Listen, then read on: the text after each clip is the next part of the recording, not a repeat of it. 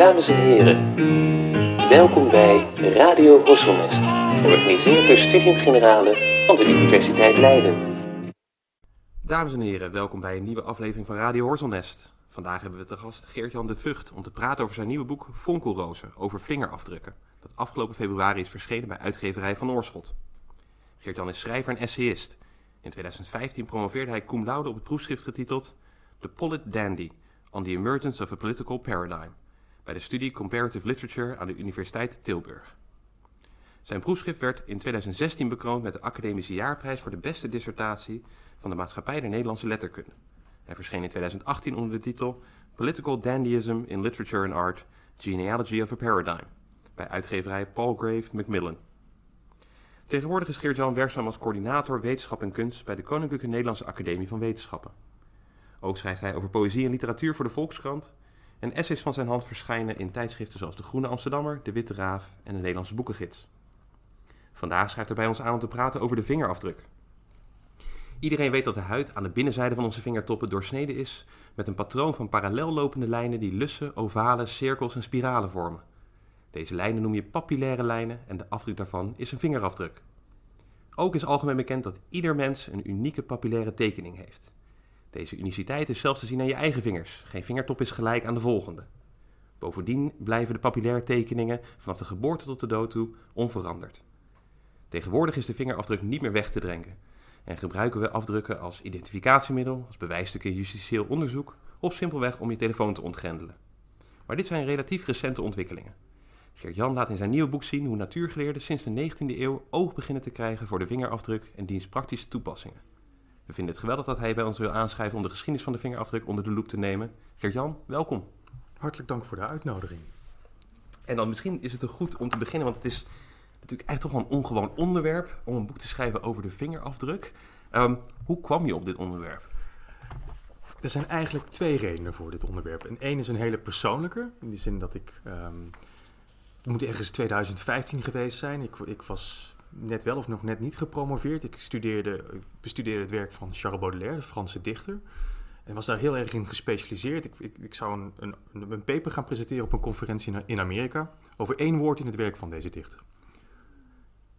En ik kom aan op het vliegveld van Chicago. Ik was daar heel vaak geweest. Of heel vaak, een keer of vijf, zes. Dus het was een plek die ik goed kende, waar ik eerder had gestudeerd, waarvan ik uh, altijd het verlangen had om terug te gaan. Maar deze keer lukte dat. Aanvankelijk althans niet. Ik kwam aan, ik moest me, zoals we dat allemaal moeten doen, handen op, een, op, een, op zo'n scanbed leggen. Ja, ja, ja. En dan ontstaat het kryptoniet groene licht komt dan tevoorschijn. En normaal gesproken hè, mag je doorlopen. Maar deze keer haperde het.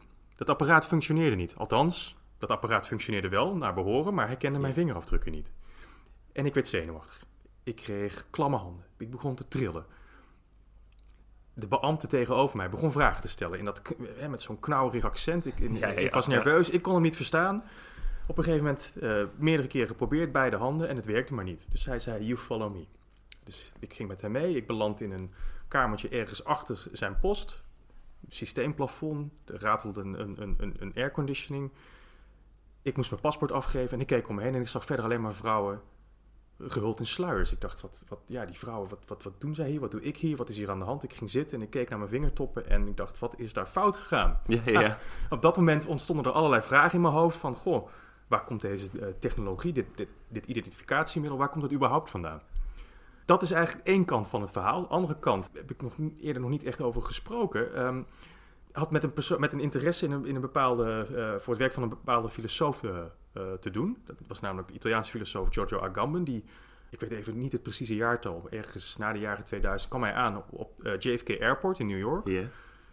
En uh, dat was het moment waarop vingerafdrukken eigenlijk als identificatiemiddel bij het betreden van een land waren ingevoerd. En hij werd dus gevraagd om, net als ik later in Chicago, om een hand op die scanner te leggen. En hij zegt, dit ga ik niet doen. Op dat moment um, wordt hij dus teruggestuurd naar Italië. En hij hield voet bij stuk. Hij is nooit meer, was een gevierd filosoof, of is een gevierd filosoof, veel gevraagd. Was op weg naar Princeton voor gastcolleges. En uh, hij is nooit meer naar Amerika gegaan. Hij heeft nooit meer een voet op de Amerikaanse bodem gezet.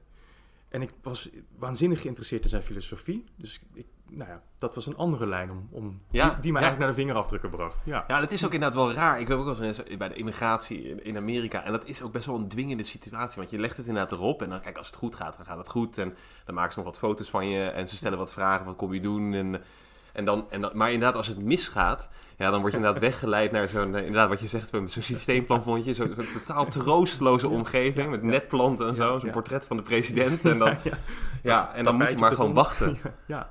Ja, en, en dat is natuurlijk wel het aardige, of ja, het, ook het vreemde eigenlijk, hoe belangrijk die vingerafdruk, en dit is natuurlijk ook post 9-11, Ja, ehm, zeker. hoe belangrijk die vingerafdruk is geworden. Ja, absoluut, absoluut. Ja, en daar komt ook nog bij, dat is eigenlijk een derde lijn. ehm, ik weet eigenlijk niet wanneer dat precies begonnen is, maar op een gegeven moment had je die smartphones die je kon openen met een eh, vingerafdruk. Ja, ja. En ik zag dat om me heen mensen doen. Op een manier die toch op mij, ik ga daar niet over moraliseren, maar ik vond dat toch wel een beetje achterloos eigenlijk. Hoe ze met de vingerafdruk omsprongen. Ik dacht van, goh, die techniek, of die technologie, dat middel, dat eigenlijk in de 19e eeuw is opgekomen, want dat wist ik dan wel, ja, als, eh, als een criminologische eh, opsporings- of identificatietechnologie, die is ons alledaags leven ingeslopen. ja. En we gaan daarmee om. We denken, we staan er niet bij stil. We gaan ermee om alsof het, eh, ja, het is het recht op gemak eigenlijk. Eh, terwijl je net zo goed je telefoon kunt beveiligen met een, eh, nou ja, wat is het, een vier of zes of achtcijferige code. Hè? ja, ja. Dus da- daar- ik, ik was gewoon een beetje verwonderd eigenlijk. Ik dacht van, goh, waarom gaan mensen daar zo gemakkelijk mee om? Ja, gewoon gedachteloos. Ja. Dat- Ja. dit- En ik, bedoel, ik moet eerlijk zeggen, ik heb ook een iPhone. Ik doe het ook gedachteloos. Want je doet Ja. inderdaad dan aan het begin, moet je dan je vingerafdruk, gaat die dan in kaart brengen. Ja. En je denkt er toch bepaalde manier niet bij na van, oh, maar dit komt gewoon natuurlijk in die database bij Apple. Ja. En die hebben dan inderdaad ja, een, ge- een geweldige afdruk van mijn, van mijn vingerafdruk. Ik ben gewoon afgestaan aan een commercieel bedrijf. Ik weet niet of die in de database komt. Ik heb, Ik heb ook geen idee hoor. Ik weet niet of dat mag of zo. Misschien dat wel inderdaad via regels geregeld dat, dat, dat dat niet mag of, of wat ook of zo. Maar het is toch inderdaad gek hoe gedachteloos je eigenlijk ja, je Zeker, vingerafdruk zeker. gaat gebruiken om je telefoon te ontgrendelen. Zeker. Is echt, en toen ben ik, ik heb wel gekeken, in, want ik heb dus ook een telefoon waarmee dat kan. Ik maak er zelf geen gebruik van overigens, maar ik heb dus wel in die handleiding gekeken.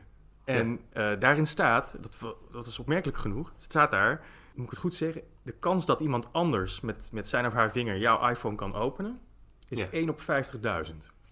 Dus daar ben ik dat gaan, een beetje zo gaan omrekenen. Ik dacht, dat betekent dat er op zijn minst 300 personen in Nederland rondlopen die met hun vinger mijn telefoon zouden moeten kunnen openen.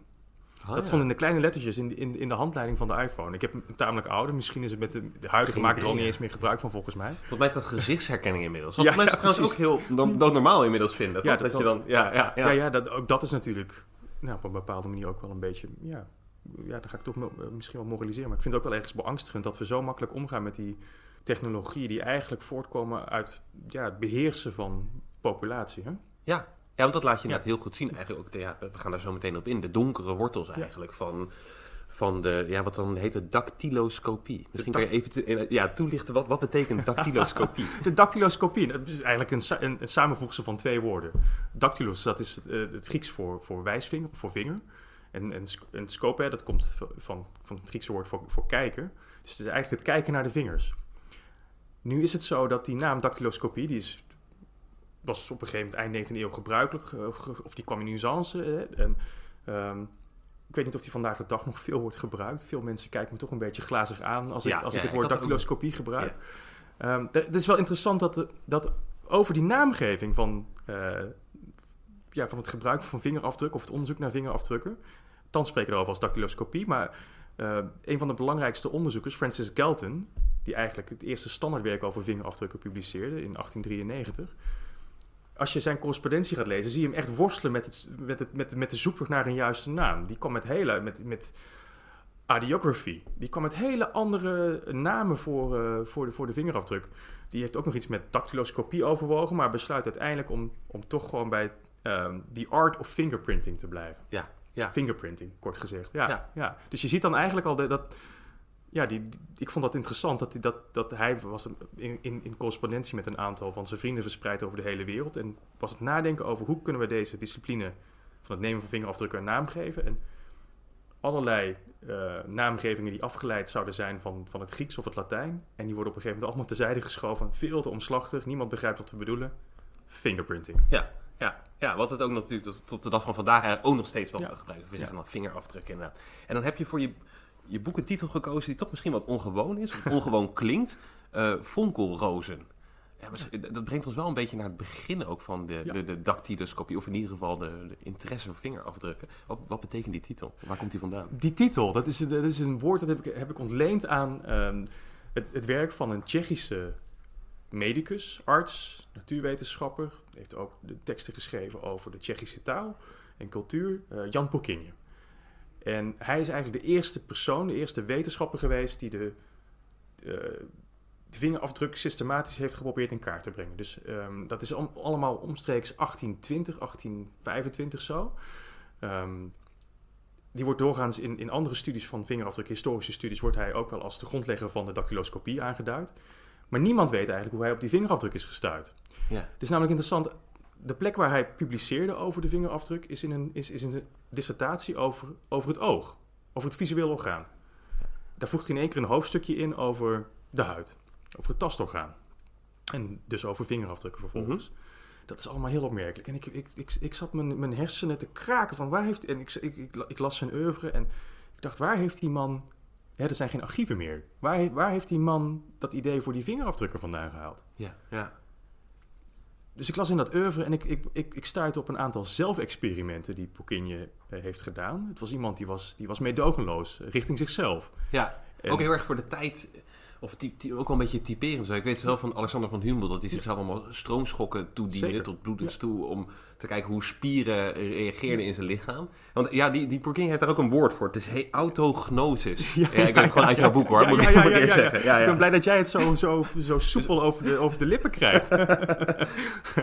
Maar inderdaad, een soort, ja, een soort Zelfkennis. Ja, ja. zelfonderzoek. En hij was daar echt ook wel meedogenloos in. Dus hij kneep zijn, eh, eh, hij, hij kneep zijn, zijn bloedbanen af. Eh, hij deed ook een aantal onschuldige experimenten met, met schommels en, en, en draaimolens waar hij dan op ging liggen. En dan ging kijken wat dat met zijn perceptie deed als hij dan weer van het platform afstapte. En, maar hij deed dus ook, en dat is wel interessant, hij deed eh, experimenten met kruiden. Met, of met allerlei natuurlijke substanties. Die vond hij in de, in de apotheek van een vader, van een vriend, die eh, in de Praagse Burgt woonde. En die daar de apotheek had. En, ehm, en dat, waren, dat waren flinke, hè, dat waren stevige kruiden, onder andere stramonium, datura. Ik bedoel, als je, daar, als je dat neemt, dat, dat, dat, dat is dodelijk. Ja, Als je veel, neemt, en dat, ja. dat, en dat, dat gebeurt snel. Maar als je er precies genoeg van neemt, of, of net iets minder dan dat je er aan dood gaat, dan krijg je de meest afschuwelijke hallucinaties. Een ander kruid dat hij nam, nam dat, dat is digitalis purpurea. In in het Nederlands vingerhoedskruid. En daar heeft hij een verslag over geschreven. Dat is allemaal omstreeks die tijd dat hij die vingerafdrukken begint te ontdekken. En ehm, hij, nam, hij experimenteerde eerst met de afkooksel. Nou, dat, dat leverde allerlei gekke twinkelingen in zijn eh, gezichtsveld op. Op een gegeven moment nam hij wat meer. Hij dacht van, nou, dit effect is nog niet sterk genoeg. Laat ik mezelf nog wat meer kwellen. En toen nam hij een dosis waar, waarmee hij volgens hemzelf althans... eh, twee weken lang rondliep met, met, met hallucinaties. En die hallucinaties die noemt hij flimmerrozen in het Duits. En flimmerrozen, dat is eigenlijk, dat heb ik vertaald met vonkelrozen. Ja, dus ja, ja. dus flimmerro- vonkelroos is eigenlijk niet alleen... eh, Hij heeft die, die halluci- hallucinaties ook opgetekend. Hij heeft er tekeningetjes van gemaakt. Als je die ziet, dan zijn het een soort van... Dat zijn concentrische cirkelpatronen. Het zijn een soort vingerafdrukken. ja. Op het net, ja, op het net. Op het netvlies. Voortdurend voor zijn ogen. Die kwamen en, en, en, en die gingen weer. Die kwamen en die gingen weer. Zo liep hij twee weken rond. En dat, noemt hij, eh, dus, dat noemde hij dus eh, flimmerrozen. En ik dacht, ja, dat is eigenlijk... Dat hallucineren, dat fascineert mij als persoon ook. Ja. Ik, ik ben daar persoonlijk door, dat speelt in het boek later ook nog een rol. Ik, ik ben daar persoonlijk eigenlijk heel erg... Dat, dat, nou, dat trekt me aan, stoot me af, dat fascineert me. En ik dacht, eigenlijk wat ik probeer te doen... Dat, dat, hè, dat is de tweede la- eh, lading misschien van het woord vonkelroos. Wat ik probeer te doen in het boek is... Hè, ik neem eigenlijk eh, feitenmateriaal... En ik, ga daar, ik, ik smeet daar een verhaal van. Het is eigenlijk alsof je de geschiedenis een beetje aan het hallucineren bent. Ja. Dus ik las Boekinje en ik kreeg... eh, Er ontstond een beeld voor mijn, voor mijn ogen van... Oh ja, zo, zo moet dat... En voor je het weet, het is een soort droomachtige situatie. Het is een soort hallucinatie. En toen dacht ik, ja, Vonkelroos. Dat, dat duidt voor mij ook op een po poëticaal principe. Namelijk dat je de geschiedenis... Ja, die overdondert je. Ja, ja. En, en vormt een, een beeld, een, een, een, een, een verhaal. Ja, ja, dus Ja. Het, is, het is het hallucineren van de geschiedenis. Dat is de tweede lading van het woord Ja. Ja, ik vond het ook heel mooi. Ik vond het heel mooi hoe je inderdaad aan het begin beschrijft hoe hij dan inderdaad in die, die, die Praagse draaimolen inderdaad van die, van, die, van die testen doet waarin hij zichzelf eigenlijk gewoon eh, duizelig maakt. Zoals Zeker. we allemaal misschien wel eens een keer hebben gedaan op de schommel of, Ja. op, of op, op- op- waar dan ook eigenlijk. En dan merk je inderdaad dat je gewoon je, hoe je perceptie en zo verandert. Ik vond dat fa- fascinerend. En daarna dan inderdaad al die verschillende geneeskrachtige en ook hele gevaarlijke. Want eh, ja, vingerhoedskruid, ja, don't try this at home. Het is levens, levensgevaarlijk. Ja. Eh, het is een soort, je krijgt een soort hartritmestoornissen Ja. volgens mij ervan. Hè? Het is, Ja, het eh, wordt ook gebruikt als je, ja, precies. Je krijgt er hartritmestoornissen van, of je kunt het gebruiken om hartritmestoornissen te corrigeren. Mm. Als ik het goed begrijp, wordt het zelfs vandaag de dag nog wel eens toegepast. Maar kleine overschrijdingen, dan hebben we het echt over hele kleine overschrijdingen van de, van de dosering, kunnen al dodelijk zijn. Ja, Ja, maar het is inderdaad fascinerend om te lezen. Dat zie je ook wel echt. Ja, het is ook misschien een beetje, wat dat betreft, een kind van de verlichting. Dat, dat op jezelf experimenteren. En, Maar ook echt met, op, met opium en, en eh, hoe heet het andere ook weer? Belladonna. belladonna zeker. Ja, dat zijn verschrikkelijke middelen hoor, als je daar... ja. Ja, dat zijn eigenlijk altijd de planten die, eh, nou ja, die, nou, die, die vroeger ook natuurlijk altijd voor de medicinale waarde werden, werden, werden gewaardeerd, maar die toch wel ook niet ongevaarlijk waren om mee, eh, om mee op jezelf te testen. Nee, ik vond, ik vond een hele goede keuze ook van, van de titel. En ik vond het heel mooi, inderdaad, heel mooi hoe je dat in verband bracht, inderdaad, met dat je, dat je op een gegeven moment ook schrijft van, ja, we hebben... Hè, de, de, de vingertop is eigenlijk een kaart van een onbewoond eiland. Of, Zeker, of het is ja. eigenlijk vergelijkbaar met een, een onbewoond eiland ontdekken. Dus je hoeft niet heel ver op reis om iets onbekends te zoeken. Nee, je kan gewoon eigenlijk al... De vingertoppen waren nog niet eens in kaart gebracht. Precies, de, hè, dat was ook natuurlijk de tijd van grote eh, ontdekkingsreizen. Ja, Maar ja, de, de, de eigen huid was minstens zo onbekend als de wereld, eh, wereld, of minstens het land aan de andere kant van de wereld. Dat is Ja. natuurlijk.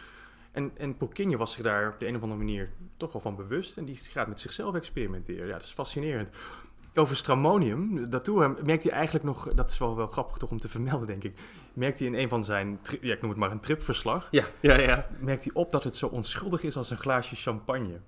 nou, als je tripverslagen leest vandaag de dag van mensen die dat middel gebruiken, Dit is toch wel even een andere, andere koek. champagne is Ja, niet ja. aan de orde. Ja, ja, ja, ja. ja nee, dat zeker niet vergelijkbaar met een glaasje champagne. Maar ik vond het inderdaad ja, heel fascinerend hoe hij dan eigenlijk inderdaad een soort cartografie van, van, de, van, de, van de hand gaat, eh, gaat maken. Ja. En, en, maar daar wijst hij eigenlijk ook al bepaalde dingen af. Toch? ook Eigenlijk, hij wijst op een bepaalde manier ook al af wat eigenlijk al wel meer een traditie was. Namelijk het hand, de, de handleeskunde Zeker, die zeker, eigenlijk eh, destijds nou ja, op geld deed. Of in ieder geval dat wat populair was. was populair. Ik denk dat hij eigenlijk eh, de, de gehele menselijke geschiedenis misschien wel populair was. Aristoteles schrijft er zelfs over, over de lijnen van de hand. Ehm, ja, Pochinje, eh, die, die, die was zich bewust van die traditie, van, van die pseudowetenschap. Eh las dat werk ook. Dat is ontzettend veel verschenen. Hè? Allerlei kleine traktaatjes, grote traktaten. Dat is, dat is, dat, dat is, dat is gigantisch. Ja, ja. Ehm eh, las dat, bekritiseerde dat. En tegelijkertijd komt dat in, in dat hoofdstuk, dus in die dissertatie, komt dat dus wel, duikt dat wel weer op. Want hij volgt toch ook wel, hij heeft, op een gegeven moment heeft hij het over de, over de Venuslijn en de, en de Lotslijn en alle verschillende lijnen. Ja, de levenslijn, ja, Ja. dat is altijd eentje die ik wel Ik- heb geleerd nog of zo. Ja, dat zijn dan op je handpalmen, inderdaad Ja. heb je dan die verschillende lijnen. Precies, En, precies. en daar worden verschillende, inderdaad, de lotslijn of de huwelijkslijn en zo. Ja. Maar dat gebruikte hij dus wel. Hij gebruikte eigenlijk wel het vocabulaire. het die- vocabulaire gebruikt hij, dat neemt hij wel over. Ja, Zonder dat hij daar die, die, die duiding die er vervolgens aan wordt gegeven, eh, die neemt hij niet over. Dus hij gebruikt het alleen maar om zeg maar, de topografie van de hand te benoemen. En maakt vervolgens het sprongetje naar de vingertoppen. Die Ja. niet. En als je, ik heb ook wel veel van die, van die, eh, die traktaten over de handleeskunde gelezen of bekeken. En er staan natuurlijk waanzinnig veel mooie afbeeldingen in. Maar het, het gaat altijd alleen maar over de, de, de lijnen in de palm. En het gaat nooit over vingertoppen. Die vingertoppen zijn altijd blanco. Ja, vreemd is dat. Dat vond ik zo opmerkelijk. Ik dacht van, hoe kan het nou dat, dat al die figuren die zich altijd over die handen hebben gebogen, nooit naar die vingertoppen hebben gekeken? Nee. En want je schrijft ook al inderdaad, Aristoteles merkt wel de lijnen op op de handpalm, maar ja. hij heeft het nooit over vingertoppen. Precies, ja. Ja. ja. Terwijl inderdaad, als je ernaar kijkt, het is er, iets- ja, iedereen heeft het, tenminste tegenwoordig inderdaad, heeft iedereen volgens mij wel een keer naar zijn, naar zijn vingerafdruk gekeken. Ja, Dus- dat, dat hoop ik. Ja, ja, ja, ja, en dan merk je toch inderdaad van dat is toch iets geks. Want het is niet een weerwar van lijnen. Nee, Eh, Het, lijkt wel echt inderdaad een soort parallel te lopen. Inderdaad. En, een soort, ja. en, hij, en hij gaat dan ook een soort klassificatie proberen te bedenken, ja, toch? ja, eh Ja. Pochinje eh, wi- wist uiteindelijk negen verschillende eh, basispatronen te onderscheiden. En dat kan gaan om een lusje naar, of naar rechts omhoog, een lus naar links omhoog, een steile lus omhoog. De ene kant op een steile lus, de andere kant op. Het kan gaan om een boog. Het kan gaan om in elkaar draaiende lussen. Dus dat soort patronen begon hij te onderscheiden.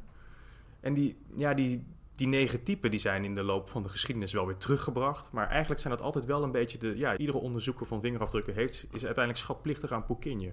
Ja. Komt terug op die types. Want als je goed kijkt, als je je eigen vingerafdrukken neemt, dan zul je ook zien dat je ja, ook lussen hebt en, en, en bogen en, en, en eh, in elkaar draaiende Spiralen en spiralen. Ja, Ja. precies. Ja, ja, ja. ja, Ja, ja, dus die klassificatie is eigenlijk wel heel erg invloedrijk geweest. Maar hij Absoluut. verbindt daar nog niks aan qua praktisch gebruik van een, van een vingerafdruk. Nee, hij, precies. Hij, hij, hij, maakt niet de stap naar, naar, naar identificatiemogelijkheden, wat wel interessant is. Wat hij wel doet, of althans, wat hij opmerkt, is... Dit zou ook wel eens een mogelijkheid kunnen zijn om eh, het onderscheid tussen mensen en, en, en dieren, en dan in het bijzonder mensen en apen, verder aan het licht te kunnen brengen. Ja, ja, ja. Dat merkt hij op. Hij zegt dan, daarbij zegt hij ook nog, daar kom ik in een later, op een later moment in een latere studie op terug. En dat heeft hij nooit gedaan. Hm. En dat, dat was iets wat, wat de Franse antropologen, eh, Britse antropologen, eh, ja, eind 19e eeuw pas echt begonnen te doen. Dus Ja. het verschil aan de hand van vingertop, het verschil tussen mens en aap Ja. vertellen. En niet alleen het verschil, maar ook ehm, proberen een tussenvorm te vinden natuurlijk. Waarin, dit is ook een klassificatie van menstype eigenlijk.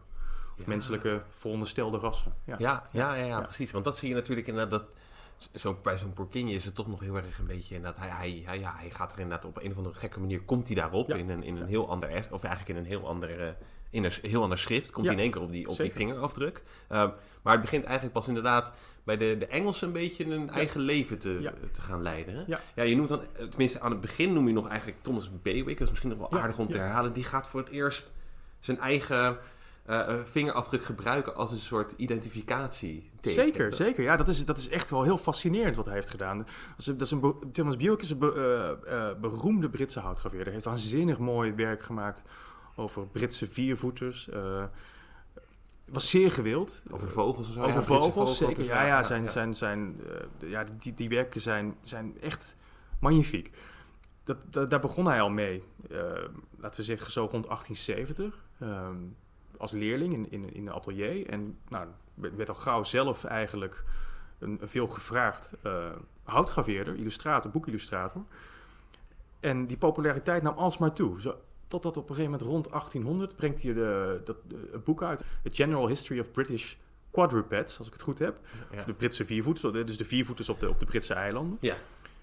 En eh, wa- waar hij dan mee te maken krijgt, is dat, dat, dat veel van zijn werken verschijnen al, eerder al in roofdruk. Dus, die, de, dus de boekdrukkers waar hij zijn manuscripten heen bracht, die, die, die, bracht, die brachten die boeken soms al onder een andere naam of soms, eh, soms onder geen naam al uit voordat Buick ze zelf eigenlijk kon, kon uitbrengen. Omstreeks diezelfde tijd, is wel interessant, eh, was er een, was er een, hadden bankiers ook het probleem van vervalsing. Dus de bankbiljetten waren heel makkelijk te vervalsen. En, en, en Thomas Buick werd gevraagd om daar om een ontwerp te maken, omdat hij zo goed kon graveren, zo fijnzinnig. Mhm. En hij kon ook een meer kleurendruk maken, een gelaagde druk. Dus hij kon hele complexe grafische ontwerpen maken. Werd dus gevraagd om, om met een onvervalsbaar bankbiljet te komen. Dat ontwierp hij. En daar deden de parlementariërs deden daar helemaal niks mee. Dus dat leidde tot een soort van frustratie. Ja. En wat ik eigenlijk een beetje probeer te onderzoeken, of misschien zelfs zo nou ja, beweren in het boek, is dat, dat, dat zijn zoektocht naar een onvervalsbaar bankbiljet hem ook heeft gevoerd naar de ontdekking van de vingerafdruk. Naar een absoluut identificatiemiddel. Dat zie je dan rond 1800, brengt hij een boek uit en dan verschijnt dat eh, voor het eerst een vignet. Een van dat, die, een van, dus een afbeelding. Tussen Ja. al die viervoeters of, en, en, en vogels verschijnt opeens een duimafdruk. Een duim, niet zomaar een duimafdruk, een duimafdruk die over een, eh, een tafereel van een huis ligt. Dus alsof hij iets wou, wou verbergen. Ja, ja. Dat is de eerste keer eigenlijk dat we die, die vingerafdruk echt als een artistiek, ja, artistieke hint of een artistiek proce- procedé eh, zien optreden. En dan die jaren daarna krijgt hij steeds meer te maken met, met die roofdrukker. En dan besluit hij, het is genoeg geweest. Ik ga, om de, de authenticiteit van mijn eigen boeken te garanderen, ga ik een reçu bevestigen. Dus een soort van, eigenlijk een soort van bon zou je kunnen zeggen. Op, het, ti- op, de, op, op, het, op het titelblad en, of naast het titelblad. En eh, dat is een waanzinnig mooie afdruk met, met rood zeewier. En eh, daar, daar drukt hij dan zijn eigen vingerafdruk of duimafdruk. Het is niet helemaal duidelijk. De ene keer met een vingerafdruk, de andere keer met een duimafdruk. Die Mhm. drukt hij daarop af. Ja, ja. Die zijn zo waarachtig gelukt, die, die afdrukken, dat je denkt van... oh, dat heeft hij echt met zijn vingers gedaan. Maar dat is niet zo. Hij heeft, hij heeft houtsneders daarvan gemaakt. Ja. En ik, een vriend van me, die een, is een beroemde Oostenrijk, of is een, is een, een belangrijke Oostenrijkse kunstenaar, houtgraveerder, die, heeft, die, vertelde ik over dit verhaal. Ik zei, kun jij ook eh, vingerafdrukken graveren? Want we hadden het over hoe, hoe, hoe moeilijk, hoe precies dat, dat is. En die heeft zich daaraan gewaagd. En die afbeeldingen staan ook in het boek, ehm, ook op de omslag. Ehm, Christian Tannhauser heet hij. En dat is, ja, dat is waanzinnig mooi. Maar ja, het, die van Buick zijn nog, nog preciezer. Dat is, Ja, ja. Ik heb er daar met, met, met, met, met, met Christian Tannhauser over gesproken. En ja, dat, dat is zo ontzettend knap wat Buick heeft gemaakt, zo rond 1800. Ja, want het, is, ja, want het, ja, het heeft iets heel erg onvals. Ja, het, is bijna niet te, niet te vervalsen. Inderdaad, de afbeelding, het lijkt echt inderdaad net een eh, vingerafdruk. Ja, maar hij heeft dat ja. natuurlijk gewoon in buxushout, heeft hij dat zitten Super hard hout. eh, Ja. eh, graveren. Ja, Ja, ja. ja. Met- wat natuurlijk uitzonderlijk is, inderdaad. Met, met heel, hè, dat, dat gaat met hele kleine mesjes en bijteltjes. En ik weet eigenlijk niet zo goed hoe die instrumenten precies heten. Maar nou, dat, dat is een eh, monnikenwerk. Ja, ja. Dat is waanzinnig. En dat hij dus inderdaad het gebruikt als his mark, hè? Als, als inderdaad een soort identificatie eh, of identificerend middel. Dat, is- Eh, dat is goed dat je dit zegt, want hij, hij gebruikt dus die, die duim- of vingerafdruk. Maar omdat dat eh, zo een, een dusdanige noviteit is, moest hij daar nog aan toevoegen... Thomas Buick, his mark. Dus hè, wat voorheen eigenlijk... Voor, voorheen kon je volstaan met een, met een, met een eh, signatuur, met een handtekening. ja. Maar omdat het, omdat het dus dusdanig nieuw is, kon hij dat niet. En moest hij nog toevoegen, Thomas Buick, his mark. Ja. Dat vond ik opmerkelijk. Ik dacht van, wow, dan heb je een absoluut identificatiemiddel... en heb je alsnog de taal nodig om uit te leggen wat het is. Ja, ja, dat is zeker waar. Ja. Ja, ja, ja. En bij hem heeft het nog, eh, dat, tenminste, het is natuurlijk dan vooral om vervalsingen tegen te Ja. gaan en naar roofdrukken tegen te gaan.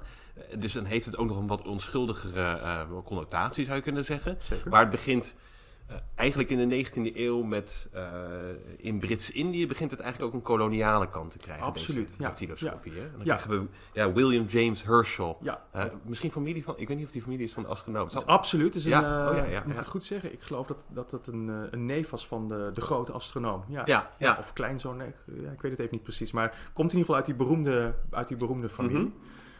Goed om denk ik om op te merken is dat eh, Herschel ook dus ja, in zijn kinderjaren, denk ik dat, al, dat dat voor al die Britten toen de tijd eh, opging. Dat hij ook het werk van Buick dus bijvoorbeeld las. Ja, ja. Dit heb ik later ook in zijn archief. eh, er lagen ook gewoon nog af, afbeeldingen uitgeknipt uit boeken van die, van die duimafdrukken van, van Thomas Buick.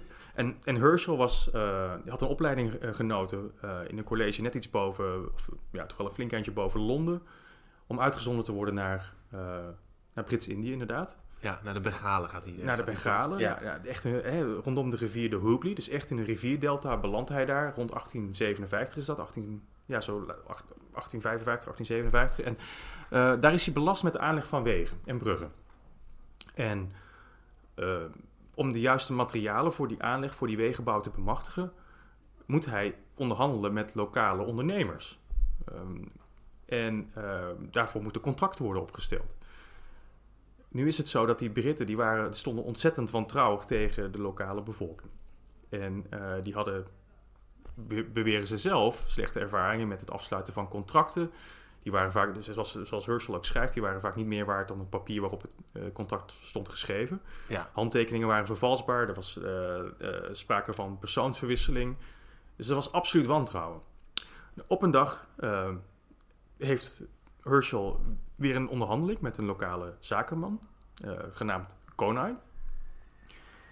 En dan doet hij iets vreemds. Konai die wil eigenlijk een krabbeltje zetten onder het contract. Dus hebben een aantal ton gooding, dat is een soort bindmiddel voor, voor wegenbouw, eh, zijn ze overeengekomen. En dit is hoe Herschel het beschrijft. Hij houdt hem tegen, pakt zijn pols, drukt de hand die aan die pols bevestigd is, die drukt hij in een soort olieachtige substantie en vervolgens op het papier. Daarna staan die twee mannen gebogen over dat papier om te kijken wat, wat het voor een afdruk is.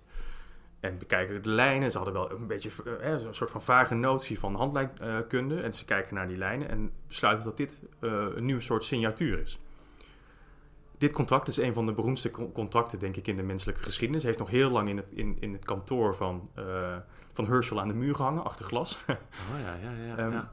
Nou, dat, dat, is eigenlijk, dat is eigenlijk volgens veel mensen de- het officiële moment waarop de dactyloscopie eh, gestalte krijgt. Want Herschel ontdekt al kort daarna dat, dat eh, niet de hele hand nodig is, maar dat een vingertop volstaat. ja. Hij begint in eerste instantie bij zichzelf te experimenteren, want hij wil ook weten of die vingerafdruk hetzelfde blijft gedurende een bepaalde periode. Hoe dat bij hemzelf eruit ziet.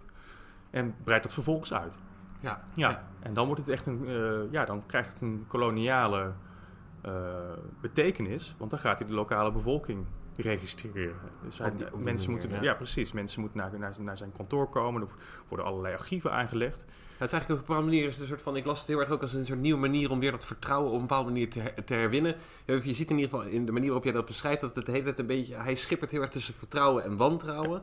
Ja. En hij is heel erg gewoon natuurlijk opgeleid in Engeland. Zeker. En dan heb je gewoon, als er een contract opgesteld, dan eh, heb je eerst misschien een mondeling contract en dan vervolgens komt dat op schrift en dan wordt dat getekend en dat is gewoon de praktijk en daar is iedereen aan gewend en daar gebeuren ongetwijfeld ook onwelvalligheden, maar, maar dan zit hij natuurlijk in zo'n kolonie waar misschien handtekeningen helemaal geen gebruik zijn, namen helemaal niet zo vast zijn. Ik, je schrijft ook inderdaad dat sommige mensen hadden bijvoorbeeld meerdere namen. Zeker, zeker. Dus komt ook nog eens een keer dat, dat je eigenlijk een soort cultu- cultural clash krijgt. Absoluut, ja. En, en dan is eigenlijk de, de, de vingerafdruk is eigenlijk de manier om die cultural clash eigenlijk als het ware weer glad te strijken. En, en ook dat bewind eh, ja, mogelijk te maken. te versterken eigenlijk. Ja. ja absoluut. Dat, dat, dat heb je heel goed gezegd zo. Ehm, ja, dat, dat gaat hij dan vanaf de jaren 1850, 1857, zo gaat hij dat uitbreiden met, met het vallen en opstaan. Ehm, kijk, alles, eh, hè, dus hij gaat ontzettend veel vingerafdrukken verzamelen. Op een gegeven moment stuurt hij dat, dat later stuurt hij dat ook allemaal naar, naar Francis Galton. Ehm, maar hij, er was eigenlijk nog niet zoveel over bekend, over vingerafdrukken. Dus ik bedoel, het feit dat, dat, het, een, dat het een individuele tekening van, van, van de huid is, dat was eigenlijk nog helemaal niet zo. Dat was gewoon geen gewoon goed. Ik bedoel, Nee, daar had ook nee. nog niemand over geschreven. Ehm, het feit dat, dat die vingerafdrukken een heel leven lang hetzelfde blijven, was ook niet bekend. Dat Mhm. is eigenlijk aan Herschel hebben we dat te danken. Die is dat gaan onderzoeken. Die was echt heel nieuwsgierig. Van, die ging ook over intervallen van meerdere, van meerdere jaren. Ging die dus echt bij mensen de vingerafdrukken nemen. Dat gebeurde soms al bij ja, kinderen nog in de wieg. En die volgde hij dan echt tot in, ja, tot in de, eh, het volwassen leven. Dat deelde hij met Galton. En Gelt, Francis Galton kon daar vervolgens zijn hele, hele traktaat eigenlijk... dat hij in 1893 publiceerde op baseren. Ja, ja maar die Maar- Herschel ziet dus inderdaad echt de, de, de uniciteit ervan. Ja, die is, die is zich daarvan bewust. Ja, ja, Ja, die is zich daarvan bewust. Die, en die ziet dat het onveranderd blijft in de, gedurende het leven. Dus En- die, die, die, die wordt zich voor het eerst be- bewust van het feit dat het echt als een identificatiemiddel kan worden ingezet. En dan zie je dat het langzaam vanuit ja, die verschillende politieposten in Bengalen gaat, worden, worden ze geïntroduceerd. En dan, hè, die Britten die zijn heel, eh, ja, die spreken heel eh, denigrerend over de lokale bevolking. Die, eh, die zeggen, ja, als, wij als mensen pensioen op komen halen, dan sturen ze, eh, ook al is die persoon al overleden, dan sturen ze gewoon iemand anders in persoon. Dus er was sprake van persoonswisseling. Ze hadden te maken met recidive. Nou ja, iemand, kon, iemand anders werd betaald om andermans straf uit te zitten. Hoe kunnen we dat voorkomen? En toen hebben ze die, die, die, die, die vingerafdruk eigenlijk eh, geïntroduceerd. Ja. Maar dan ontstond wel weer een nieuw probleem. En dat is eigenlijk, je gaat, eh, je gaat een collectie aanleggen, een verzameling van vingerafdrukken. En die dijt maar uit en die dijt uit en die wordt alsmaar groter. En er ontstaat een massa van tekeningetjes. Die op zichzelf niet zoveel zeggen. Ja. En hoe vind je je weg in die massa aan tekeningetjes? En liefst snel, want je, je hebt iemand tegenover je en je wil die persoon snel kunnen linken aan een bepaalde datum. Ja, aan een contract. Ja, of aan ja, een contract, ja, ja. precies. Dus dat eigenlijk, wat, op dat moment ontstaan allerlei ideeën over de klassificatie van vingerafdrukken. Die hebben we het al een beetje over gehad met, met betrekking tot Pokinje. Die met die negen grondpatronen kwam. Nou ja, dat zie je dan dus vanaf de tweede helft van de 19e eeuw... dat men eh, meer gaat denken over klassificatie. En eigenlijk zou je kunnen zeggen dat die hele geschiedenis van vingerafdrukken... een soort van strijd is over de klassificatie. En om tot een snel ordeningssysteem te komen. En eh, dus het is het omverwerpen van bepaalde types en weer, op, en weer met nieuwe komen. En eh, dat, dat, dat kristalliseert zich uit tegen het einde van de 19e eeuw. Ja, wat natuurlijk heel lastig is, want iedereen heeft dus inderdaad min, eh, een unieke tekening. Zeker. Maar tegelijkertijd moet je ervoor zorgen dat je wel in al die unieke tekeningen, dat je wel ja, je weg kan vinden. Absoluut, ja. Ja, ja, ja, ja. Dus op een gegeven moment krijg je dus rond... Nou ja, Francis Galton zit in die, die bestudeert in de jaren 80 van de 19e eeuw. Wordt hij uitgenodigd door de Royal Society, geloof ik... om, om een, een, paper te, te houden, over, paper voor te lezen over eh, eh, identificatiemiddelen. Die was zich bewust van eh, vingerafdrukken. Correspondeerde veel met Herschel, die toen nog in Bengalen zat. Maar ook met andere personen die hem van over de hele wereld vingerafdrukken stuurden. En eh Galton brengt, brengt eigenlijk de, de, de, ja, de basispatronen terug tot, tot drie typen, zou je kunnen zeggen. Arches, loops en whirls. Dus de- we hebben het er eigenlijk net al over een beetje over gehad. Eh, bogen, lussen en ja, spiralen. Ja, ja, ja, ja. En eh, dat worden zijn drie basistypen. Nou ja, dan kun je dus al, hè, je kunt al een soort van, van wat, wat grovere eh, opdeling tussen de verschillende afdrukken die je hebt, kun je aanbrengen. Eén stap eh, later het is wel interessant. En dan ontstaan er allerlei conflicten over wie is nu precies eigenlijk, hè, zo rond de 1890. Ja, want we noemden inderdaad de heet het die Herschel, maar je hebt ook nog iemand die eigenlijk eh, als een soort, eh, een soort ja, wat je wel vaak in de wetenschap hebt, gewoon een moment van serendipiteit. Ja, Je- ja. Eén iemand is bezig met vingerafdrukken en tegelijkertijd is er ene Henry Folds is er eh, bezig in Hmm. Japan ook met vingerafdrukken. Rome Henry Folds. Ja, Ja, ja, ja. ja, ja, ja. Die was inderdaad, hij was in, de, was in een Brit in Japan gestationeerd. Heeft hij nog eh, een aantal reddingsposten langs de kust opgericht. Was een, was een enorme weldoener. En die beweerde dat hij daar op vingerafdruk is gestuurd in een berg schelpen, geloof ik. Aan de kust in de baai van Tokio. Was hij, was hij waarschijnlijk op zoek naar fossielen en hij vond daar potscherven met vingerafdruk. En is daar toen, zoals hij beweert, eh, onderzoek naar gaan doen. En heeft daar vervolgens een artikel over gepubliceerd in Nature. Dat artikel werd gelezen door William Herschel. Herschel was overigens al teruggekomen naar, eh, naar het Verenigd Koninkrijk. Had zich eh, volledig gestort op de, op de, eh, de studie van de, van de evangeliën. Ja, was theologie gaan studeren Ja, eigenlijk. helemaal in, weg in, Oxford. Ja, ja, ja, ja. Dus die zat er in de Bodleian, zat hij daar te studeren. En die, die slaat op een gegeven moment Nature open. En die ziet daar dat artikel van Henry Fault. En die dacht, wat krijgen we nou?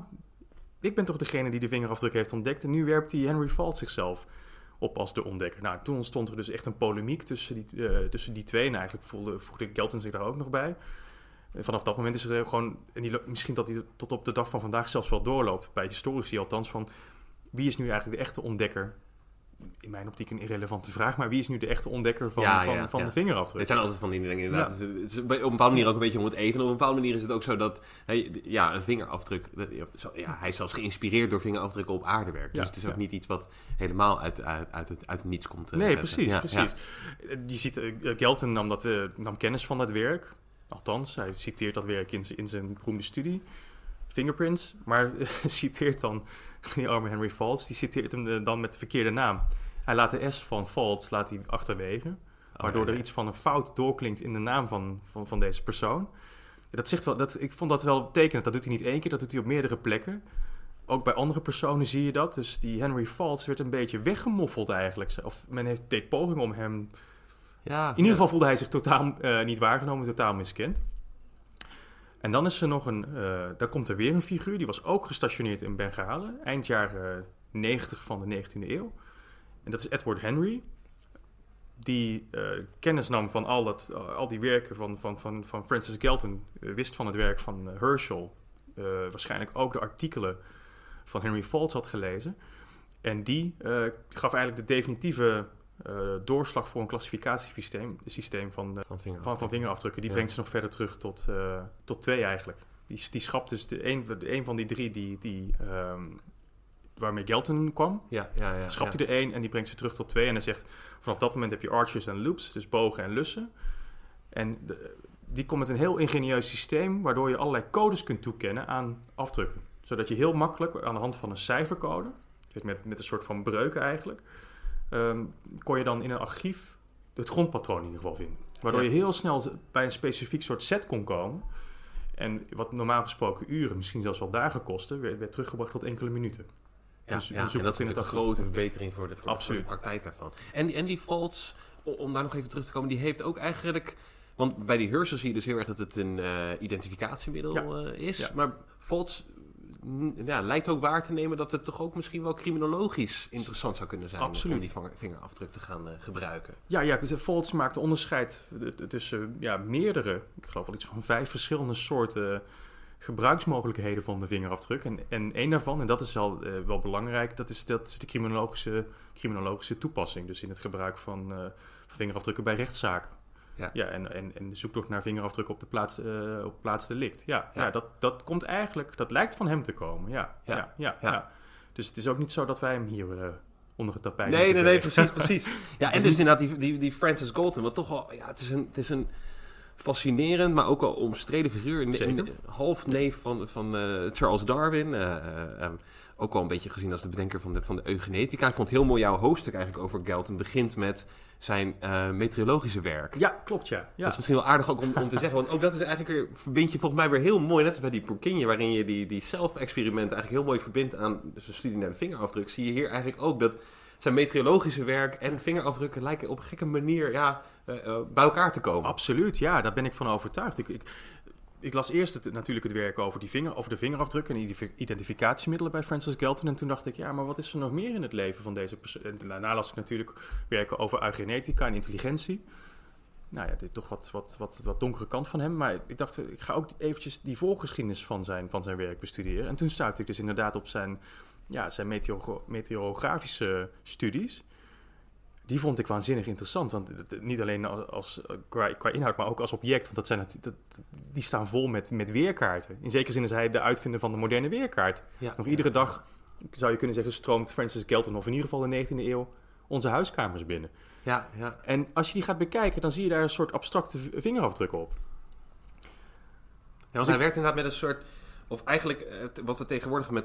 Heb je van die... Ja, je hebt dan van die modernere weerkaarten met weerbericht. En dan krijg je van die lijnen Ja, en, ja. en pijlen eigenlijk. Ja. En hoe, hoe hoog en lage drukgebieden met elkaar ja. ja. Ja. In, ver- ja, in verband houden als het ware. En dat, is, dat, is zijn, dat is uit zijn koker Ja, eigenlijk. komt uit zijn koker. Ja, ja zeker. Ja, dat, is, dat is fascinerend. Dat is dus de, de grondlegger van de eugenetica was daarvoor eh, meteoroloog. En daarvoor was hij trouwens ontdekkingsreiziger. Dus dat, die, die, dat geldt denk ik voor meerdere personen in het boek. Die hebben allemaal meerdere levens achter elkaar of meerdere levens naast elkaar geleefd. Dat is, Ja, ja. Dat, vind- en, en die lopen allemaal in elkaar door. Dat, daar ben ik, dat is iets waar ik gaandeweg het schrijven van het boek op ben, ja, eigenlijk van overtuigd ben geraakt. Het geldt voor ons allemaal. We leven meerdere levens in één leven. Ja. En die, zijn, die kun je niet eh, isoleren. Die, die blijven elkaar, in, die lopen in elkaar door. Dat zie je dus bij Francis Galton. Die, die, die, dus die studies van, van de lucht, van de wolken, van de luchtdrukgebieden deed. Die taal die hij daar hanteert, die komt later terug in zijn, in zijn bestudering van, van, van vingerafdrukken. Ja, ja, dus hij, wat hij doet met, met, met, met windrichtingen en met, met pijlen, dat, dat is letterlijk de, de taal die hij gebruikt als hij de, een vingerafdruk en de, en, de, en de beweging van de lijnen binnen de afdruk moet Ja. beschrijven. Hij was ook in zijn jonge jaren ontdekkingsreiziger. Heeft, heeft ook nog, eh, heel opmerkelijk genoeg, eh, niet één, maar twee reisboeken geschreven. Althans, een soort van eh, ja, travel guides. ja, ja, ja. Eentje over zijn reis op het Afrikaanse continent. Dat, daar komt hij op terug in zijn studie over vingerafdrukken. Daar refereert hij even aan. Eh, een andere eh, travel guide heeft hij geschreven voor, voor een reis door Zwitserland. Er staat zijn naam niet op het, op het omslag, ook niet op de titelpagina, maar dat heeft hij wel geschreven. Dus, en ook die taal. Dus eh, hij heeft daar eh, geleerd het kompas te hanteren. Hij heeft ge- geleerd het trianguleren, dus zijn plaats te bepalen ook die taal die komt weer terug in, uiteindelijk in de, in de studie van vingerafdrukken. Dan zie je echt dat hij maakte ook een soort van ehm, envelopjes. Zoals wij die kennen van als je naar een fotograaf eh, ging om een pasfoto te laten maken. Weet je, zo'n raampje. Daar kon je dan een pasfoto inschrijven, zag je zelf. Hij schoof daar ehm, eh, de vingerafdruk in en voegde daar een soort windrichting omheen. Zodat hij die afdruk kon bewegen. En dan kon hij zo zijn- tot de juiste omschrijving van, van zijn vingerafdruk komen. Dus je ziet gewoon dat hij die, tech- die techniek die hij leerde als ontdekkingsreiziger... die paste hij gewoon letterlijk toe bij de beschrijving van vingerafdrukken. Dat vond ik zo fascinerend. Dus Ja, eigenlijk... iets zeggen, dat de inkt dan, net als bij, op, bij bergen, dat de sneeuw Ja, valt ja, op dat, de, ja. de pieken en, en de richels Ja. en zo. Dat valt inderdaad de inkt ook alleen maar op de richels. Komt niet in het dal, zegt hij dan. Ja, ja, ja, ja, ja, ja, is heel mooi. Ja. En daar heeft ja. hij dan prachtige illustraties van. In, juist als je weer teruggaat naar dat vroege werk over die, die travel guide voor, voor, eh, voor Zwitserland. Ja, dat, dat, dat, is, als je, dat is als je dat naast elkaar legt. Er zit een tijdspanne van 30 jaar tussen. Maar het is alsof, dat, alsof daar überhaupt geen scheidslijn tussen loopt. Dat vond ik zo fascinerend aan dat werk. Ik dacht van ja, natuurlijk was het uh, Galton te doen om, om het aanbrengen of, het, of om het vestigen van, van, van raciaal onderscheid. Dat, dat, daar moeten we zo echt even over hebben. Ja, ja, dat zeker. Ja, ja, Ja. ja. ja, Maar er is nog veel meer dan dat. En dat, dat, dat interesseerde mij. Ik dacht dat raciaal onderscheid, daar- ja, daar schrijf ik natuurlijk ook over. Maar ik, ik dacht van, ik wil gewoon weten hoe dat leven van die persoon, net als bij Pouquinje eigenlijk, die in zijn jeugd hallucinaties had eh, met concentrische cirkels, dat, hoe dat later dan doorliep in zijn, in zijn leven. Zo wilde ik ook bij Francis Galton eigenlijk aanwijzen van, hé, hey, dat, dat vroege leven van die ontdekkingsreiziger en kort daarna van die, van die weersvoorspeller. Hij verzamelde gegevens van over heel Europa, hè, vanaf Ja. Sint-Petersburg tot aan eh, Amsterdam en tot aan Londen. Hoe, hoe heeft dat zijn werk over de dactyloscopie, over fingerprinting, hoe heeft dat zijn werk Ja. beïnvloed? En je ziet gewoon eh, natuurlijk ook de enorme gretigheid die zo typerend is van de 19e eeuw. Van dat inzamelen van al die verschillende gegevens. En op een gegeven moment ook het, ma- eh, het maken van berekeningen, kansberekeningen, waarschijnlijkheidsberekeningen. En ja, zeker iets wat, wat voorbij moet komen. Ja, Galton is, of Galton is, is, ja, heeft ook een beetje die Januskop zeker mee in, in zijn werk. Want Heel veel van de gegevens die hij verzamelt, ja, die, die zouden we vandaag de dag, is dat gewoon bizar dat dat überhaupt gebeurde. Ja, of in ja. ieder geval vanuit onze blik is dat, is dat iets bizars. Want hij gaat eigenlijk die vingerafdrukken ook ja, gebruiken om vragen te beantwoorden ten aanzien van raciale verschillen, maar ook intellectuele verschillen tussen Absoluut, mensen. Om, of dat te traceren was aan de hand van de vingerafdrukken. Absoluut. Ja, dat zie je. Dus hij maakt dan onderscheid tussen eh, wat hij dan noemt eh, Joden, zwarte mensen, eh, de Britten. Ik geloof dat hij het heeft over de Basken, opmerkelijk genoeg. Ja, ja. En over Welshmen. En dan gaat hij, dat zijn dan de, klaarblijkelijk, een aantal van die eh, groepen zijn natuurlijk terug te voeren op gebieden. Hè, de Welshmen, dus hij krijgt heel veel afdrukken uit Wales. Hij heeft zelf onder- eh, onderzoek gedaan in de Pyreneeën, geloof ik. Hij krijgt afdrukken vanuit Brits-India. En dan gaat hij die, hij, hij verzamelt maar en verzamelt maar. Eh, Als je naar zijn archief gaat in het University College in Londen, dan, ja, de ene doos naar de andere die opent, met, die, die, die barst uit elkaar van, van de snippers. Dat is Ja. ongelooflijk. Ik wist op een gegeven moment niet meer wat ik ermee moest. Ik dacht, ja, weer zo'n doos met, met vingerafdrukken. ja, Dus ja. het gigantisch veel materiaal verzameld. Om maar dat onderscheid tussen personen aan te wijzen. En Of hij had vooral de hoop. hij had de hoop, ja. dus ja, dat- en ja. hij correspondeerde daarover met verschillende eh overzees gestationeerde personen. Herschel dus, onder andere. En gaandeweg die correspondentie zie je dat hij... Ja, ze hebben het daarover. Ja, hmm, er is toch niet zo'n groot verschil tussen een zwart persoon en een Brit, eh, een, eh, een wit-Brits persoon. Er is niet zo'n groot verschil tussen Joods iemand en iemand eh, die niet Joods is. En ook dat hij zelfs ook mensen uit eh, van die eh, ja, ja, gekke huizen toen nog Ja, in die tijd. ja, ja. Voornamelijk dat hij dan ook zegt inderdaad van ja, de vingerafdruk van een, van, van een gek is niet, is niet anders dan van een eh hoog politiek leider of wat ook of zo. Hij, hij, ja. hij verzamelde dus inderdaad ook eh, afdrukken van, inderdaad uit, een, uit, uit een kliniek eigenlijk zou je kunnen zeggen. Of een opvanghuis voor mensen met, met een geestelijke stoornis. En Daarvan zegt hij inderdaad van ja, dus, eh, de, de vingerafdruk van de, ik, citeer hem nu letterlijk, eh, de grootste imbeciel is nog niet eens verschillend van onze meest intelligente personen, namelijk de studenten aan Oxford en Cambridge. Ja, ja, ja, ja. Hij zegt er is geen verschil, dus hij moet het toegeven. In die correspondentie geeft hij dat ook, ook toe. Je ziet dat, dat hij daar moeite mee heeft. En dan, als je dan vervolgens vanuit die correspondentie weer terugkeert naar, naar dat boek, naar Fingerprints, Mhm. dan zie je dat hij het daar eigenlijk ook wel toegeeft. Maar zin later komt hij er alweer een beetje op terug. Maar het is nog niet helemaal zeker. Ja, ja, hij houdt, hij houdt, Hij houdt de slag om de arm. Ja, de slag. Maar je ziet eigenlijk dat die praktijk gewoon heel erg weerbarstig lijkt. Ja, dat is misschien ook goed om inderdaad even te plaatsen in eh, de, ja, de antropometrie die in die tijd ook heel erg opkomt. Want volgens mij is, is, zie je daar ook een beetje die hoop uit voortkomen. Want je ziet in die tijd natuurlijk dat er ontzettend veel, eh, of steeds meer metingen worden gedaan. Daar noem je ook trouwens een bekende Fransman bij, waar ik weet even niet of ik de Eh, dat, naam... is, dat is Bertignon. Ja, Naar ja. hem is de, uiteindelijk die antropometrie, dus het opmeten van lichaamskenmerken, Ja. de lengte van de arm, lengte van de neus, eh, oren, noem maar op, benen. eh, dat is, dit is naar hem vernoemd. Hij was een eh, Franse politiebeambte die op een gegeven moment met dat idee kwam van hé, laten we de mens op gaan meten. En dat is de zogenoemde Bertillonage. Dat werd, dat werd een veel gehanteerde eh, identificatiemethode, ook in Nederland, in, in de koloniën, eh, eigenlijk overal ter wereld. Werd, werd zijn, werden zijn middelen ingezet om, om recidieven te voorkomen, om, om criminelen te identificeren. Ja. En Kelton had zich natuurlijk gebogen over dat vraagstuk van wat zijn nu eigenlijk goede identificatiemiddelen. En die had dus die vingerafdrukken, had, had hij zich volop gestort. En dus ontstond er eigenlijk een strijd, zou je kunnen zeggen, tussen aan de ene kant de Fransman Bertillon en aan de andere kant de Brit Francis Galton, over wat nu het beste identificatiesysteem was. Daar op een gegeven moment hebben ze in, in Groot-Brittannië zijn, is daar een commissie op gezet. Ik geloof zelfs wel meerdere commissies. Ook in, in, in Brits-Indië hebben ze dat gedaan. Van oké, die commissie moest zich gaan buigen over wat is, wat is nu de juiste, wat is de gemakkelijkste, de, de meest eh, efficiënte en economische identificatiemethode. En die commissie die komt dan tot een soort van compromis, zoals commissies dat in mijn optiek altijd doen. Altijd. Ja, ja, zeker. En die, die zeggen, nou, we moeten eigenlijk aan die antropometrie, aan die bertillonage, moeten wij de vingerafdruk toevoegen. Dat is een versterkend middel. Ja, ja. Dat, dat, dat gebeurt dan ook zo. En dan zie je dat eigenlijk in, een- in, in, ja, in een periode van enkele jaren. Dan, die politiebeambten die hebben dat allemaal in de gaten. Die vingerafdruk werkt veel sneller. Ja. Bovendien, eh, de antropometrie was, is een kwetsbaar, was een kwetsbare methode. Want je, mo- je moest heel precies opmeten. Nou, dus een meetfout is zo gemaakt. Maar ook het lichaam verandert natuurlijk. Ja, En dan had je dan nog wel een, een, een, een zogenoemd portret palais. Dus dat was een gesproken portret. Dat, dat, dan, kon je dus, dan kon dus de beambte, eh, of een geschreven portret, konden de beambten allerlei lichaamskenmerken noteren die je niet kon opmeten. Bijvoorbeeld moedervlekken of een tatoeage of wat dan ook. Ja, ja. Dus bijzondere lichaamskenmerken. Maar zelfs dat was allemaal heel omslachtig. En daar, daar, daar konden allerlei hè, er konden alle ta- tatoeages worden toegevoegd. Of, of hè, iemand wordt grijs of verliest haar. Iemand krimpt, iemand groeit. Ja. Dus die antropometrie die bleek eigenlijk helemaal niet geschikt om, om, het mens, om een mens te vangen.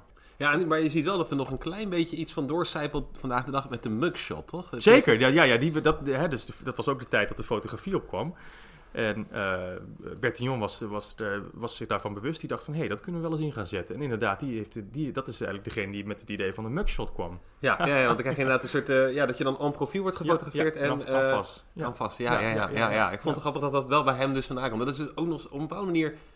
Ja, want, want, want Gelten lijkt zelfs eigenlijk te zeggen van... Al die andere gegevens is eigenlijk gewoon overbodig. Ja, je hoeft al die metingen helemaal niet te doen. En inderdaad, het is ook nog eens een keer heel foutgevoelig. Ja. Vingerafdruk is eigenlijk volstaat. Absoluut. Ja. Kijk, eh, fotografie is natuurlijk, heeft natuurlijk die, die, dat, zo'n waarachtig aura. Je denkt van, hé, hey, we hebben een foto van een persoon. Dat is, dat, dat is on, nee, je ziet die persoon, dat is ontegenzeggelijk die persoon. Op die foto, daar in het echt. En omgekeerd. Maar dat, dat, die jaren, zeg maar, van eh, de eerste, het eerste decennium, de eerste twee decennia van de 20e eeuw, zie je dat er enorm aan getwijfeld gaat worden. Want men ontdekt dat, dat personen van alles en nog wat doen om niet langer meer door het leven te gaan zoals ze tien jaar eerder door het leven gingen. Precies. En dat zien we dan op een gegeven moment ook bijvoorbeeld in de, in, in de, in de Nederlandse koloniën, hè, in, eh, in Nederlands-Indië, zien we, zien we die discussie ook optreden van, goh, eh, er werden ook foto's gebruikt om, om, om recidivisten te identificeren. Om werknemers die volgens eh, eh, de werkgever een overtreding hadden begaan, met het lonen vandoor zijn gegaan bijvoorbeeld, om die te identificeren.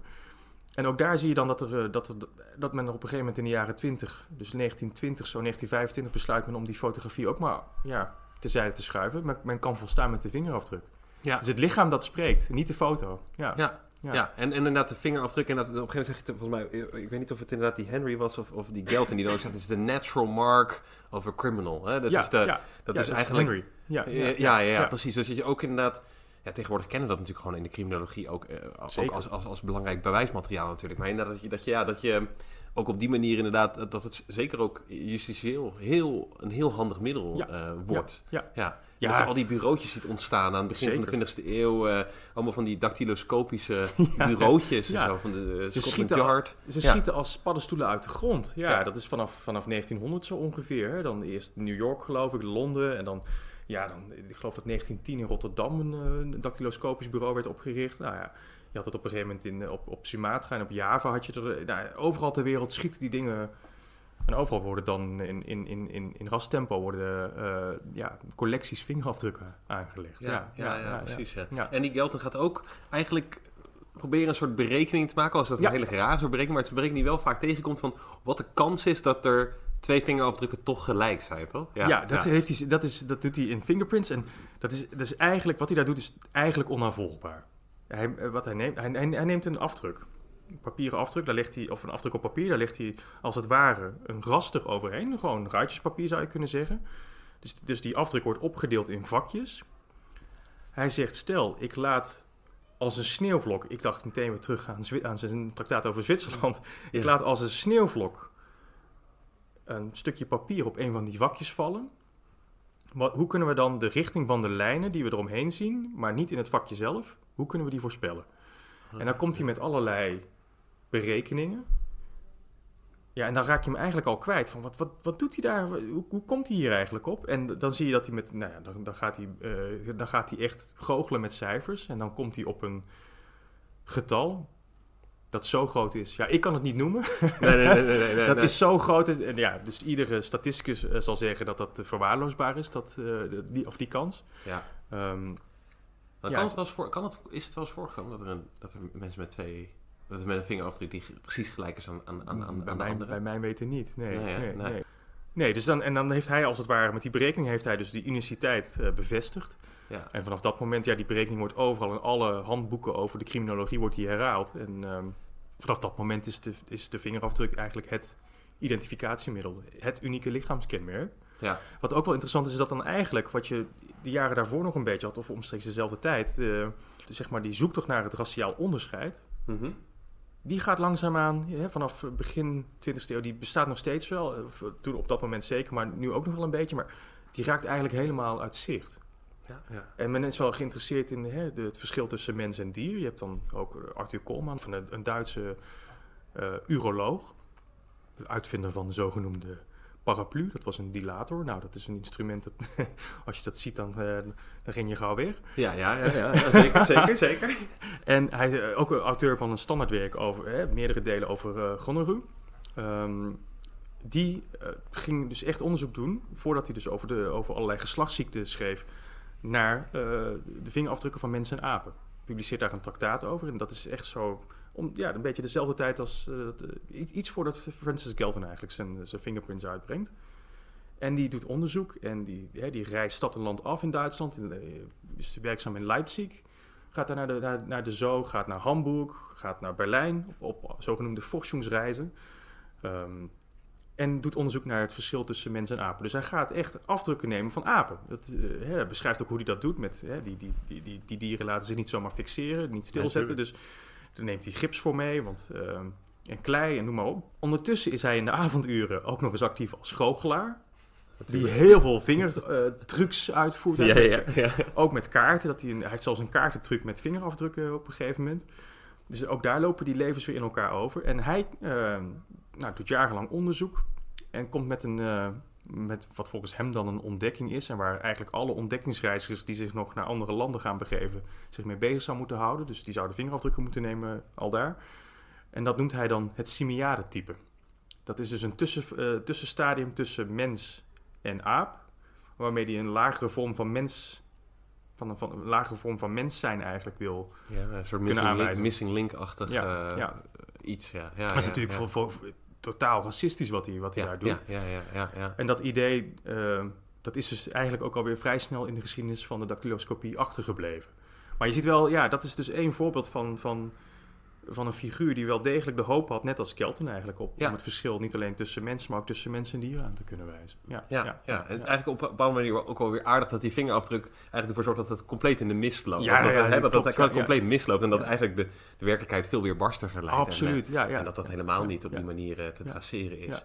En je ziet eigenlijk ook, en dat is wel aardig, of vind ik ook wel mooi, omdat je heel erg de twee kanten eigenlijk ook in ziet van die 19e eeuw. Aan de ene kant heb je die hele empirische, Maar ook toch sterk koloniale, racistische eh, onderzoeken die er, die, er, die er gebeuren. En dan eigenlijk aan de andere kant heb je toch ook dat je in die 19e eeuw ja, dat eigenlijk een beetje de grond wordt gelegd voor het hedendaagse spiritualisme. Dat, er- dat er op allerlei manieren ehm, ehm, eh, eigenlijk wat oudere praktijken, zoals het handlezen, maar ook allerlei andere manieren van eh, eh, horoscopen en toestanden. En zodat het eigenlijk allemaal weer heel erg in de picture komt. Ehm. Ja. En daar komt dan eigenlijk ook weer de, ja, de handafdruk, vingerafdruk weer in, weer in terug. Absoluut. Ja, ja dat, is, dat, is, dat is absoluut het geval. Je ziet dat eigenlijk al rond 1880 bij een auteur eh, als Mark Twain. Ja, die ja. zijn handen meermaals heeft laten lezen. En eh, door een hele beroemde eh, Brits-Ierse eigenlijk handlezer, Caro. die, was, die was heel erg actief in, in Londen en heeft daar heel veel handen van beroemdheden gelezen. Is later naar, naar New York verhuisd. En daar, dat is waar Mark Twain dan op bezoek gaat. En die laat daar zijn handen lezen. En die raakte daardoor gefascineerd door die, door die lijnen van de hand en de lijnen van de vingers. Ook de vingers hoor. Dat, dat, Ja. eh, niet alleen maar om de, om de lijnen van de palm. Ehm, in New York bezoekt hij Caro meermaals en die doet een voorspelling. Twain die, zat, eh, te, die was aan het worstelen met de plot voor een roman. Die was ook financieel aan het worstelen. En Caro die doet een voorspelling aan de hand van, de, de- van, hè, van lezing van die hand. En die zegt, nou ja, in zoveel jaar eh, worden al jouw financiële problemen opgelost. En, en, en passant geeft hij hem ook nog eens een, een, een, een, oplossing voor, zijn, voor het vastgelopen plot. Hij werkt, Twain werkte aan een boek over, over een Siamese tweeling. Kwam daarmee niet vooruit. En nadat hij dus, dat is wat Caro beweert, ehm, nadat hij dus zijn handen had laten lezen in dat New Yorkse appartement, ehm, ging hij naar huis en besloot om dat plot helemaal overboord te gooien en een heel nieuw boek te schrijven. Getiteld Pudd'nhead Wilson, een, een klassieker in het werk van, van, van Twain, waarin Ja. vingerafdrukken plots een, een, een cruciale rol spelen. Het is namelijk een, er wordt een moord gepleegd in een dorpje aan de, aan de Mississippi. En eh, die moord moet worden opgelost. En er is een, ja, toch een beetje een, een dorpsgek, zou je kunnen zeggen, Mhm. zouden, zouden wij zeggen, denk ik. Puddin, Puddinhead, leeghoofd, oelewapper, hoe je het ook wil noemen, dorpsgek. Ja, ja, ja. ja. En die verzamelt bij iedereen vingerafdrukken in dat dorp. En die mensen kijken hem toch een beetje mee, waar gaan we, wat, wat, wat doet die man? Dat doet hij al eigenlijk al vanaf, ze- de, vanaf de wieg tot aan eh, het sterfbed. En iedereen dacht van ja, wat is dat voor een maloot? En dan komt het tot een rechtszaak. En, en dan natuurlijk is die anti-held Pudd'nhead, die lost die zaak op aan de hand van vingerafdruk. Ja, ja, dat is eigenlijk de eerste keer dat we de vingerafdruk in een soort... of- Ik dacht dat het de eerste keer dat was dat een vingerafdruk eh, een prominente rol speelde in fictie. Dat boek is 1892 verschenen, geloof ik. Nee, dat kan niet. 1894, als ik het goed heb, of 95. Twee jaar na Francis Galton. In 1880 publiceerde Mark Twain een ander boek. In mijn optiek eh, zijn mooiste. eh, Life and Times on the Mississippi. Daar, dat is een soort van ja, memoire, gefictionaliseerd. Het is Mhm. echt waanzinnig hoor, wat hij daar doet met allerlei korte verhalen. En daarin komt dan ook een, een, een casus voorbij van, eh, ja, van een, een moordcasus zou je kunnen zeggen. Die wordt dan al opgelost aan de hand van duimafdruk. Oh, ja, ja, ja, ja. En dat is interessant, want dat is 1880. Dat is eigenlijk voordat eh, al, dat, al dat werk van Herschel eigenlijk goed en wel bekend was. Voordat eh, Francis Galton überhaupt met vingerafdrukken in de weer was. En dus eigenlijk ook voor defaults eh in, Ja. in, in Japan Absoluut. bezig ja, was. ja, ja, Dus dat, dat, ja, dat, Mark Twain moet daar ergens, moet ergens in een Brits of in een Amerikaanse krant, denk ik, gestuurd zijn op het, op het feit dat er vingerafdrukken werden genomen van eh, Aziatische immigranten in Californië.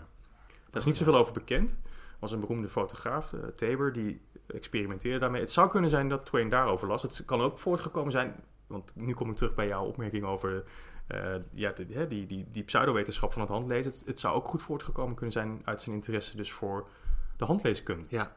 Ja, gyromancie is dat. Ja, is dat ja, ook? ja, ja, ja, een prachtig woord. Prachtig, ja, ja, klopt. heel mooi woord. ja. ja, en het is zo grappig, want je schreef dus onlangs ook een artikel. Je stuurde nog naar mij toe. Het moet nog, moet nog verschijnen, of misschien is het als deze podcast uitkomt al verschenen. eh, van een verhaal van Agatha Christie, waarin ook de vingerafdruk een belangrijke rol speelt. Maar dan, dat- grappig genoeg, is dat op dat moment in Nederlands-Indië is zij. In, Ja. in Sumatra, toch? eh, verblijft zij. Eh, nou, dat is, eh, dat is ja, een beetje ja? Het, is, ehm, het is eigenlijk zo. Ehm Agatha Christie brengt in 18, of in 1925 een, haar, wat, wat inmiddels haar, misschien wel haar meest beroemde roman is, uit. Mhm. The Murder of Roger Ackroyd. Dat gaat over een, over een, een, een, een, heer die in, een, in zijn eigen landhuis, Brits landhuis, wordt of dood wordt gevonden met een dolk in zijn rug, kamer van binnen, eh, binnenuit eh, op slot gedaan, raam open. Lijkt zelfmoord. En dan komt Hercule Poirot en die gaat dat, samen met de lokale eh, regisseur en die gaan met elkaar in, in debat over wat is nu de echte doodsoorzaak. Ja. Dit, is, dit was een, wa- waarom dit de beroemde roman is geworden, is niet zozeer vanwege die, die, die, die, die zaak, maar omdat het nou, aan het einde van de roman blijkt dat dit alles verteld werd door de moordenaar zelf. Oh, ja. Dus alles wat je al die tijd hebt waargenomen, werd waargenomen door de oog. Eigenlijk, dus dat onthult die verteller aan het eind, dat hij zelf de moordenaar was. Ehm, en dat was een noviteit in het genre van de, van de detec- detective, zou je kunnen zeggen. Die eh, roman verscheen in 1925. Een jaar later verschijnt er, dat is echt heel opmerkelijk, een jaar later verschijnt er eh, een Nederlandse vertaling in de Sumatra Post. Dus een krant in Nederlands-Indië, als feuilleton. Dat vond ik zo opmerkelijk. Dat is een hele vroege vertaling. Later, of later in dat jaar verscheen die vertaling ook in boekvorm. Ja. En dan zie je dat die gaandeweg de, de 20e eeuw nog vaker opnieuw vertaald wordt. Maar dat was pas het tweede werk van Christie dat vertaald werd naar het Nederlands. En dan wel meteen het jaar daarna. Dus dat was, dat was opmerkelijk. Mhm. En dat het dan ook nog in die krant in Nederlands-Indië verschijnt, dat vond Ja. ik helemaal... Ik dacht van, hoe kan dat? Wat, wat betekent dat?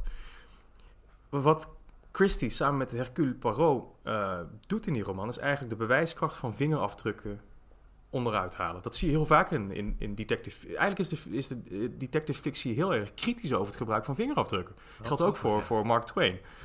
Want ze vinden daar dus een dolk in dat lijk van die Aykroyd. En daar staan zijn vingerafdrukken op. Maar zegt Poirot, hoe kan het nou dat hij die dolk daar in zijn eigen lijf heeft gestoken? Dat is zo, dat, daar kan niet eens met genoeg kracht bij komen. Mhm. Dus hij kan die dolk nooit in, zich, in zijn eigen lijf hebben gestoken. En hij kan hem wel, die hand moet hè, ehm, om, om het heft van, van, van die dolk heen zijn gelegd. Nadat hij was vermoord. Waarmee dus eigenlijk die hele idee van vingerafdrukken, ja, die zeggen, die, die zijn mis, eh, vingerafdrukken is eigenlijk de, de, de these van Christie zou je kunnen zeggen. Die zijn op zijn minst misleidend of ze voeren ergens anders heen. Ja, ja. Of ze geven inderdaad een beschuldiging die helemaal, geen, die helemaal niet terecht is. Precies, precies. Ja, dus dat, ja. dat is hè, dus misleiden. Heel veel in de geschiedenis van vingerafdrukken gaat eigenlijk over misleiding. Ehm, en dat valt eigenlijk samen in een beetje een gekke periode hoor. Eh, Zo, zo 1920, 1930. Dan, dan verschijnen er ook tra- traktaten over het vervalsen van vingerafdrukken. je ziet dus die detective fictie waarin dus eh, vingerafdrukken eigenlijk tegen zichzelf keren. Je hebt ook een prachtig, eh, prachtig boek van, eh, eh, van Fel- Felipe Alfao, een Spaans-Amerikaanse auteur, die ook die vingerafdrukken tegen de eigen eh, beoefenaars inzet. Oh ja, ja. Het is, ja. eh, je ziet dat in, in Mark 2. Je ziet eigenlijk in al die, al die detectives die verschijnen, er worden die vingerafdrukken, die hebben niet de bewijswaarde die ze eigenlijk zouden moeten hebben. Ja. Dus er is een enorme kritiek erop. Ehm, en je ziet dan in, in Nederlands-Indië zie je, veel, zie je echt een discussie op gang komen. Je hebt een aantal, er zijn een aantal eh, handleidingen geschreven in het Nederlands. Dat zijn de eerste in het Nederlands over hoe je dactyloscopie moet toepassen. Mhm. En dan merkt de auteur van die handleiding op dat, ja, dat het wantrouwen in, in dit systeem eigenlijk heel erg groot is. En dat er eigenlijk nog nooit iemand al daar, of, of dat er eigenlijk nog nooit al daar een moord is opgelost met behulp van vingerafdruk. Dus eigenlijk kort nadat al die fingerprint bureaus zijn opgericht, wordt er al heel erg getwijfeld aan de, aan de bewijskracht van dat middel. Ja, En dat heb ik eigenlijk geprobeerd in het artikel uiteen te zetten. Ik vind, ik vind dat fascinerend. Ja, ja, dat is zeker een fascinerend gegeven. Omdat je aan de ene kant denk je inderdaad juist met, met zo'n Gelton of zo en, en met zo'n Herschel van, oh, hier, hier hebben ze eigenlijk een middel in handen waarmee ze inderdaad dat, ook het koloniale bewind eigenlijk, ja, eigenlijk op, op een bepaalde manier ja, effect, en, eh, ja, effectiever maken Ja, nog. ja. Maar tegelijkertijd zie je eigenlijk ook een enorme kritiek erop. Ja. Ja, we bogen inderdaad even af naar, naar de literatuur, maar het is misschien goed om nog even, even bij die gyromantie stil te staan. Een heel, heel, heel leuk hoofdstuk vond ik zelf, is een hoofdstuk waarin jij een bekende ha- handlezeres, Ja, eh, ja. Eh, in, uit de 20e eeuw, Charlotte Wolf, Ja. eh, eh, eigenlijk een, ja, die heeft een ontmoeting gehad met een andere hele bekende Wolf, Virginia Woolf, Virginia om haar hand te lezen. Ja. Dat vond ik een prachtig hoofdstuk. Kan je daar wat meer over vertellen, over die ontmoeting? Ja, zeker. Ja, dat is, Charlotte Wolf was een, was een Duitse arts. Werkte in Neukölln, Berlijn, in, een, in een kliniek. Ehm, Jo- Joods. ehm, heeft gestudeerd bij Husserl. Hij was een studente van Husserl en, en, en ook van Heidegger. Ja, Een van de favoriete studenten. En een vriendin van Walter Benjamin. Walter Benjamin en zij hebben samen nog Baudelaire vertaald. En die vertalingen van Baudelaire, die, die, zijn, van, die, nou, die zijn onder de naam van Benjamin ook in een tijdschriftje Vers und Prosa verschenen. Met ook gedichten van Charlotte Wolf da- daarnaast. Ehm, dus die hadden een hele innige vriendschap. Die gingen ook samen, dat, dat, daar schrijft ze in haar memoires ook over. Die gingen ook samen op stap. Maar dat is eigenlijk een terzijde. Die gingen op stap Ja, in, ja, in ja. Berlijn. Het wilde nachtleven van Berlijn eh, verkennen. Ehm, Wolf, die, eh, die op advies van een vriendin, ging ze eigenlijk eh, lessen in de, in de handleeskunde volgen bij Julius Spier in, in Berlijn. Dat is een, ja, toch een beetje een enigmatische figuur. Een, een, een, een- echt een, een, een, vrouwenja- rokkenjager. Ehm, die probeerde eigenlijk de, de handleeskunde opnieuw, nieuw leven in te blazen door deze te verknopen met eh, de psychoanalyse. En dan specifiek de- het werk van Jung. Dus die probeerde eigenlijk aan, het hand, aan, aan de hand van ja, de handlijnen, probeerde iemands psychische gesteldheid te duiden. Ja, ja. Nou ja, de, de, de, nazi's kwamen aan de macht, eh, dus Wolf die moest op de vlucht. Vlucht naar Parijs, raakt bevriend met de surrealisten al daar. Eh, noem maar op, Paul Éluard, Bre- Breton. ehm, leest hun handen, publiceert haar eerste artikel ook in het tijdschrift van, eh, van de surrealisten. En dus- Minotaur. hè? Minotaur, ja, precies. Ja, ja, dat is een heel mooi artikel over, over, over de handlees, eh, de, de psychogirologie, zo noemt zij dat. En dan gaat ze vervolgens door naar Londen. En daar eh, eh, raakt ze bevriend met Aldous en Maria Huxley. Ja, ja, ja. Is daar kind aan huis, leest eigenlijk de, de handen van de hele Beaumonde. En op een dag heeft Maria Huxley klaarblijkelijk met Virginia Woolf gesproken van... Hey, zou je je handen ook niet eh, laten lezen? Dus ja, ze zitten daar in, in de Albany. Dat is zo'n beetje een verborgen oase van rust in het hart van, van Londen. Eh, wordt er aangebeld en staat Virginia Woolf voor de deur... en mag Charlotte Wolf de, de handen van Virginia Woolf gaan lezen. En daar heeft eh, Charlotte Wolf heeft daar een aantal aantekeningen over eh, opgenomen in haar memoires op twee verschillende plekken. Die, die heb ik een beetje gereconstrueerd. Ik heb het archief bekeken van, van Charlotte Wolf. En dat is fascinerend. Eh, ze heeft daar ook over gepubliceerd, of die analyse heeft ze op een gegeven moment ook gepubliceerd in een heel eh, beroemd geworden boek, Studies in Handreading. Dat is, dat is een soort van portretgalerie, zou je kunnen zeggen, van, van alle beroemde kunstenaars van dat moment. Ja, Heeft ze allemaal de hand gelezen. Hè? Man Ray, eh, ja, noem, al die surrealisten komen er voorbij. Een aantal eh, eh, eh, eh, choreografen. Modeontwerpers. Het is echt waanzinnig eh, wat ze allemaal wel niet heeft, eh, wie ze allemaal wel niet heeft bestudeerd. Ja, En dus ook die, die analyse van Wolf. En ja, daar kun je van vinden wat je ervan wil. Maar ja, daar zit op een bepaalde manier iets treffends in. Het is natuurlijk eh, een, een, bepaald taalgebruik, een bepaalde formulering die vaag genoeg is om er genoeg in te herkennen van wat klopt. Ja, ja, dat is een beetje wat we tegenwoordig kennen, een beetje cold reading, Ja, toch? ja, Ja, ja, ja. En en je ziet dat het heel erg ook, dat het toch ook een beetje afbuigt van, eh, ja, wat je toch misschien een beetje meer kent inderdaad van, ja, misschien uit die tijd eh, de, de, de, de, kermis, of tegenwoordig is dat Ja. misschien de paranormaalbeurs. Mm. Eh, je gaat je hand lezen, dat daar toch heel erg ook al eh, dingen aan worden verbonden, ziektes eventueel, of kommer en kwel. Terwijl ik heb het idee bij, dit, bij die Charlotte Wolf dat het wat veel genuanceerder eigenlijk was. Zeker. Ja, ja, ze geeft echt een hele, een hele duiding van Wolfs, wel van Wolfs psyche, maar ze zegt, ja, ja die, die, eh, ze heeft een sterke verbeelding. Nou, dat ligt allemaal heel erg voor de hand bij een auteur natuurlijk. Ja, ja, ja, zeker, zeker. Maar goed, ze gaat daarop door en ze zegt van, eh, dat is ook een bescherming tegen het leven en eh, het is een afweer. En, maar ze heeft ook een sterk audi- auditieve verbeelding. Nou, dat is iets wat je, waar- waarvan ik niet bewust was bij, bij het werk van Wolf. Ehm, en die twee die raken daarover in gesprek. Dat is natuurlijk interessant. En omgekeerd gaat Wolf ook allerlei vragen stellen over de psychoanalyse. Want die was daar toch wel sceptisch over. Ik denk dat, zoals menigeen daar sceptisch over is. Ja, En ja. willen heel veel horen van, van, van Charlotte Wolf. Dus die hebben twee ontmoetingen gehad. Eentje bij eh, Maria Huxley thuis en eentje echt... Want daarna nodigde Virginia Woolf Charlotte uit om bij haar aan Tavistock Square te komen. Dus daar is ze ook heen gegaan. En daar zitten ze dan op een gegeven moment... stelt Virginia Woolf eh, voor om wat ze dan noemt do a do te gaan zitten. Dus rug aan rug. Een beetje zoals in de, in de, in de ana- analytische praktijk zou je kunnen zeggen. En dan valt er een stilte, of een, een hiaat.